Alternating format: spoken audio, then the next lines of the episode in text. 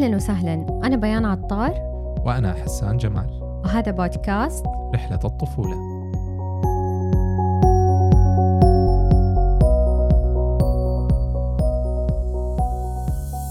أهلا وسهلا بيان. أهلا حسان.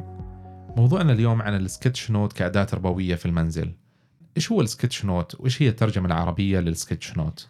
هو التدوين البصري بمعنى استخدام الرسم البسيط أثناء الكتابة. هل هو مثله مثل التفكير البصري أو هم شيئين مختلفين؟ التفكير البصري هو المظلة الكبيرة وتحته جميع الأنواع. كل الصور المرسومة والمطبوعة هي تحت مظلة التفكير البصري. مثلا الإنفوجرافيك التصوير الفوتوغرافي القصص المصورة. أي مكان يستخدم فيه صور لتوصيل فكرة ما يعتبر تفكير بصري. ال sketchnotes هو نوع من هذه الأنواع وهو الكتابة اليدوية العفوية مع الرسم البسيط اللي يشرح هذه الكتابة طيب ليش من المهم المربين يتعلموا هذه المهارة؟ هل هي حتأثر في آه، طريقة تربيتهم؟ لأنها ببساطة راح تساعد الأم مثلا إن هي تتواصل مع نفسها بشكل أفضل مثل التخطيط لمهام اليوم من طبخ من ترتيب المقاضي بالإضافة التواصل مع الأبناء في المنزل نحن كبشر بصريين ونستطيع استيعاب الصورة قبل الكلمة وهذا الشيء حتى مع الإنسان القديم من العصر الحجري. أستخدم الرسم للتواصل مع الآخرين قبل الكتابة فهذا الشيء من طبيعتنا البشرية. نفس الشيء الطفل الصغير يقدر يفهم المعلومات الجديدة عن طريق الصور قبل آه الكلام المكتوب. مثلا يقدر يعرف ويميز صورة التفاحة من عمر أشهر. بس عشان يقدر يقرأ كلمة التفاحة يحتاج يكون مثلا بعمر الست سنوات أو سبع سنوات. طيب بيان إيش هي نماذج استخدامات ال sketchnote في المنزل مع الأطفال؟ قسمتها إلى خمسة نماذج. النموذج الأول اللي هو لوحات تنظيم الروتين اليومي. الثاني لوحات القوانين المنزلية. الثالث لوحات خطوات القيام بمهمة محددة مثلا خطوات دخول الحمام أو خطوات الوضوء. الرابع آه، لوحات الشروح التعليمية مثلا شروح أعضاء الجسم الداخلية أو خريطة العالم. الخامس طبعا القصص المصورة. بس ممكن يكون في تساؤل عند البعض الفرق ما بين الروتين اليومي والقوانين المنزلية. القوانين المنزلية هو النظام اللي يمشي على الجميع. مثلا ممنوع مشاهدة التلفاز وقت الأكل. فبالتالي ممنوع على الأم والأب استخدام الجوال أو أي شاشة وقت الأكل. الروتين اليومي هو ممكن يكون مختلف من شخص إلى آخر في نفس المنزل. فمثلا ولدي في الصباح يصحى من النوم عارف إنه روتينه في الصباح عبارة عن فطور وجبة فطور آه، تفريش أسنان تغيير ملابس وترتيب السرير. الروتين اليومي ممكن يكون مختلف من شخص لآخر في نفس الأسرة. مثلا عندنا في لوحة الروتين اليومي لولدي هي تفريش الأسنان تناول الفطور تغيير الملابس والذهاب للحضانة. نقطة الذهاب للحضانة هذه مختلفة عندي ما هي موجودة في روتيني وهو عارف الموضوع هذا وبيروح الحضانة وعارف إنه أنا جالسة في البيت. والموضوع عادل على الجميع. وكل ما استخدمنا أشكال محببة للطفل ورسوم مضحكة يكون التفاعل مع المادة التعليمية بشكل أكبر. يعني مثلا آه، شمس ضاحكة آه، هلال نايم للتعبير عن روتين المساء حتى في بعض اللوحات التعليمية بيضيفوا مثلا دعسوقة في الطرف أو عنكبوت. الطفل بيضحك ودائما الطفل يتذكر المعلومة أو اللوحة والموقف اللي ضحك فيه.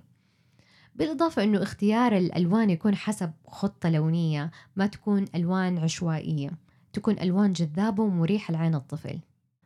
كطبيب أطفال حابب أضيف أنه الأطفال اللي يكونوا على الطيف التوحدي عادة يكون عندهم صعوبة في الانتقال من مهمة إلى أخرى. وهذا الشيء ممكن يرجع لسببين.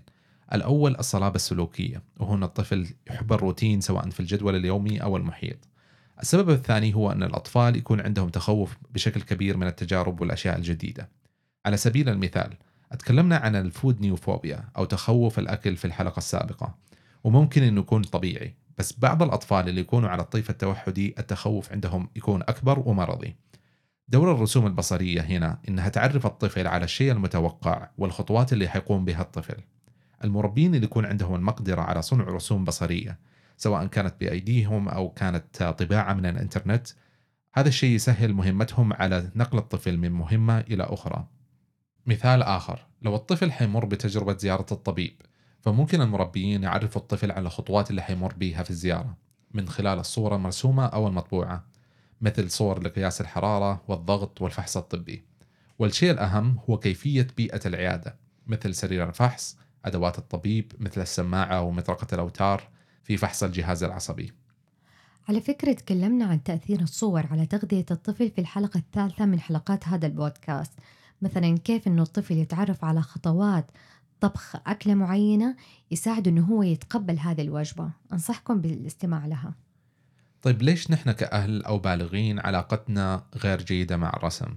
صراحة أنا على سبيل المثال رسمي ما هو ذاك الشيء بسبب المثالية في مفهوم الرسم اللي اكتسبناه في المدرسة أتحول الرسم من مادة للتعبير عن المشاعر والخيال إلى مادة فنية عليها درجات وتقييم من المعلم رسمة مين أحلى وهكذا طيب لو اليوم حابب أحسن علاقتي مع الرسم إيش ممكن أسوي؟ تعرف الأشكال الأساسية؟ إيوه طبعا مربع مثلث دائرة مستطيل. ممتاز أبدأ بيها. لأنه في الحقيقة كل العناصر الموجودة حولنا مكونة من أشكال أساسية. لما تيجي ترسم انظر للعنصر إنه هو ثنائي أبعاد وليس ثلاثي أبعاد أو مجسم. مثلا تبغى ترسم باص. الباص عبارة عن مستطيل ودائرتين تعبر عن العجلات ومربعات تعبر عن الشبابيك. حابب تظهره بشكل أكبر إنه باص لونه بالأصفر وانتهينا. في أسهل من كده؟ طبعا جوجل ما في غنى عنه أبدا بإمكانك الحصول على أي شكل بشكل مجرد تماما وسهل التقليد والنسخ. في كلمات مفتاحية مثلا كرتون clip art vector تحطها جنب اسم الشيء اللي تبغى ترسمه وراح تحصل على خيارات غير منتهية. مثلا تكتب سلحفاة clip art سلحفاة كرتون أو vector. في سر البعض ممكن مو منتبه له وهو أيقونات الواتساب. فيها تعبير وجه وعناصر مثل أكل مواصلات حقيقة سهل التقليد وممكن الواحد حتى يستلهم منها. بالإضافة كتب تعليم الرسم الموجهة للصغار هي كنز للجميع. أي كتاب تعليم رسم للأطفال يعد علي لازم أشتريه وممكن أشارك هذه الخيارات معاكم في حسابي. مو غلط أبدا نحن كبالغين نتعلم من كتب الصغار.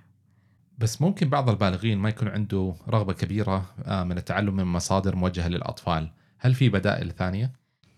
فعلا عشان كده في كورسات موجهة للبالغين عن التفكير البصري وال sketchnotes أغلبها بالإنجليزي.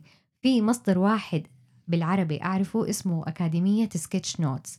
بياخد الشخص من رحلة رسم الأشكال الأساسية إلى رسم شخصيات بسيطة. أنا شخصيا استفدت منهم. طيب أنا حابة أشارك كيف إن الرسومات البسيطة ساعدتني على حل مشكلة بسيطة عند طفلي. فمثلا نحن في أثناء قطع السكة نمشي على خطوط المشاة وكان عمره سنتين ما هو فاهم نحن ليش بنوقف ونستنى الإشارة توقف ونقطع السكة. فهديك الفترة كان هو يحب النمل كده يثير فضوله سواء الموجود في الحقيقة أو في الرسومات. بالإضافة أنه هو يحب باص المدرسة. فأنا ببساطة جبت ورقة رسمت خطوط المشاة رسمت باص في الشارع ورسمت نملة بتستنى إشارة المرور آه، تفتح عشان المشاة يمشوا والنملة تمشي. ببساطة رسمة جدا بسيطة تكلفتها صفر وحلت المشكلة فعلا استوعب لأنه كان بيضحك إنه النملة بتقطع الشارع. ببساطة يعني ما نستهين كيف إنه الرسم البسيط ممكن يساعدنا على حل مشكلة وسلوك عند الطفل. فعلا فين كنا حنلاقي قصة مطبوعة مصممة لظروفنا الخاصة بالشخصيات اللي إحنا نبغاها تحديدا. إذا الأم حابة تعمل بنفسها قصة في البيت ممكن تأخذ الصور اللي عجبتها من الإنترنت وترجع تنسخها بالآيباد. حقيقي الآيباد يساعد جدا على النسخ باحترافية بإني أعمل طبقة على الصورة وأرجع أرسم عليها. بس كذا يكون في مشكلة حقوق هنا فعلا أنا كنت أفكر كده إلى أن قرأت كتاب أسرق كفنان وعرفت كيف أنسخ بالطريقة الأخلاقية وهو إنك تستلهم من الصورة أو حتى تنسخها تماما ثم تغير في تفاصيلها. السرقة إنك تاخذ عمل أحد آخر وتنسبه لنفسك. أعطيك مثال عملت مطبوعات اليوم الوطني للأطفال ممكن البعض شافها في حسابي في تويتر أو إنستغرام. كان من الصعب إني أنا أرسم خريطة المملكة من الصفر تماما. وكان الموضوع حياخد وقت وجهد أكبر. لكن أنا جبت صورة جاهزة ورجعت رسمت الخريطة فوقها ولونتها بالطريقة اللي تناسبني وضفت التفاصيل اللي تناسبني ولو جيت قارنت ما بين الصورة الأصلية ورسمتي حتلاقي فرق كبير. وبكده أنا استفدت وأفدت غيري. طيب الآن بعد ما عرفنا فوائد الصور والرسم كيف أنشأ طفل مفكر بصريا ومحب للرسم بشكل عام؟ كل ما الطفل أتعرض لصور ومجسمات أكثر من زوايا مختلفة كل ما كان عنده قدرة على الخيال والتذكر بشكل أكبر. مثلا يعرف شكل السيارة من الأمام من الخلف من فوق من تحت. بس ما ننسى أن الطفل في السنوات الأولى يفكر من خلال حاسة اللمس. بطاقات الذكاء أو الفلاش كاردز ممتازة لكنها غير كافية.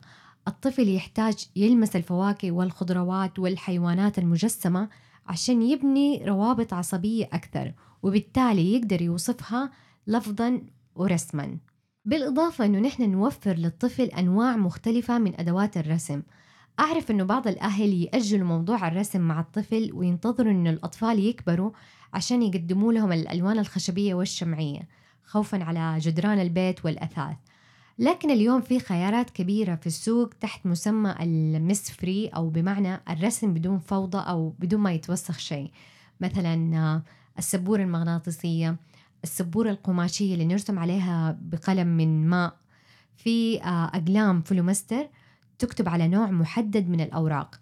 يعني لو استخدم القلم للرسم على الجدران أو على الأرض ما راح تطلع ألوان إلا على الورقة هذه. الآن خلينا ننتقل لتشجيع ومدح رسم الأطفال. طب خلينا نفرق ما بين التشجيع والمدح. المدح إنك تقول لطفلك رسمتك أحلى رسمة في العالم أنت أكثر فنان في العالم. التشجيع تقول له عجبني اختيارك للألوان عجبني المحافظة على الورقة عجبني كيف تطورت في الرسم. لاحظت الفرق؟ التشجيع يركز على المجهود المبذول والقابل للتحسين والتطوير. المدح لما انت تقول لطفلك انك رسمت أحلى رسمة في العالم خلاص ما راح يكون عنده تحفيز إنه هو يرسم مرة ثانية. أنا رسمت أحلى رسمة. بالإضافة إنه هو يعزز الإيجو وحب الذات وإنه أنا أحسن شيء والبقية أقل مني. لما تعلق على اختياره للون وعلى محاولاته المستمرة حيحاول ويستمر ويكون عنده دافع يرسم مرة واثنين وعشرة. ما ننكر إنه المدح هذا كلام معسول ولذيذ ونحب نسمعه ونشاركه الأطفال. لكن نعامله معاملة السكر. لذيذ لكن كثرته مضرة. نستخدمه ما بين فترة وفترة. نرجع للتشجيع أثناء عملية الرسم. ممكن بعض الأهل يتحمسوا خلال نشاط الرسم ويعطوا كلمات تحفيزية طول الوقت زي ما شاء الله أحسنت أبدعت أستمر جميل جدا. لكن ممكن يأثر على تركيز الطفل أثناء عملية الرسم ويقطع حبل أفكاره وممكن يأثر على قراره في اختيار الألوان. ملاحظة لما يخلص طفلك الرسمة ويجي يشاركك هي ويقول لك إيش رأيك بالرسمة؟ قبل ما تقول رأيك أسأله عن رأيه برسمته. عزز ثقته بنفسه ورأيه بنفسه أهم من رأي الآخرين وبعدها تعلق التعليق المناسب. وأظهر اهتمامك بالتفاصيل مثلا إيش اسم الولد الموجود في الرسمة؟ إيش يحب ياكل؟ آه ليش اخترت اللون الأخضر؟ وهكذا. جميل جدا. وهذا الشيء يعزز خيال الطفل برضه ممتاز. آخر نقطة من الأشياء اللي تحفز الطفل على الرسم والإبداع هو إنهم يشوفونا نحن ككبار نرسم. شخصيا أحس الأطفال لما يشوفوا إنه نحن ككبار بعيدين عن مجال الرسم تماما وفقط جالسين على أجهزتنا وجوالاتنا أو حتى إن نحن نقرأ كتب يعتبروا إنه هذا الرسم ممكن فقط للأطفال وهم عشان يكبروا يوقفوا رسم. شخصيا أنا حريصة جدا إني أنا أرسم قدام ولدي أو حتى لما يرجع من الحضانة أو يصحى من النوم أقول له إنه أنا أمس رسمت هذه الرسمة. طبعا ما في مانع من استخدام التقنية على حسب عمر الطفل. ممكن نستغل وقت الآيباد أو وقت الشاشة ببرامج الرسم مثلا برنامج ال Procreate مرة واحدة من صاحباتي شاركت رسمة ولدها بالآيباد وهو عمره سبع سنوات ما شاء الله. مستواه متقدم جدا لأنه هذه البرامج فيها إمكانيات عالية زي عمل طبقات أثناء الرسم التعديل والمسح الدمج وغيرها كثير من التقنيات. رسالة للأهل والمربين حسب ما سمعنا اليوم. الرسم عبارة عن وسيلة تواصل. الرسم أداة للتفكير للتحليل للشرح للوصف ولنشر الجمال. مثل ما أنت حريص على طفلك يتعلم مهارة القراءة والكتابة الرسم مهارة تواصل لا تقل عنهم. نفس الشيء الرسم مو لازم يكون بفن وإبداع عالي. مهارات الرسم الأساسية لا يعني أنك تكون فنان زي الفنانين العالمين إنما تكون قادر على استخدام الأشكال الأساسية بتناسق. اليوم في خيارات أكبر للتعلم كبار وصغار سواء بالكتب أو الدورات الحضورية وحتى عن بعد. لا تحرموا أنفسكم ولا أولادكم من هذه المهارة. موضوع حلقتنا القادمة عن اختيار ألعاب الأطفال. شاركونا أسئلتكم واقتراحاتكم على مواقع التواصل الاجتماعي. وانتظرونا قريباً.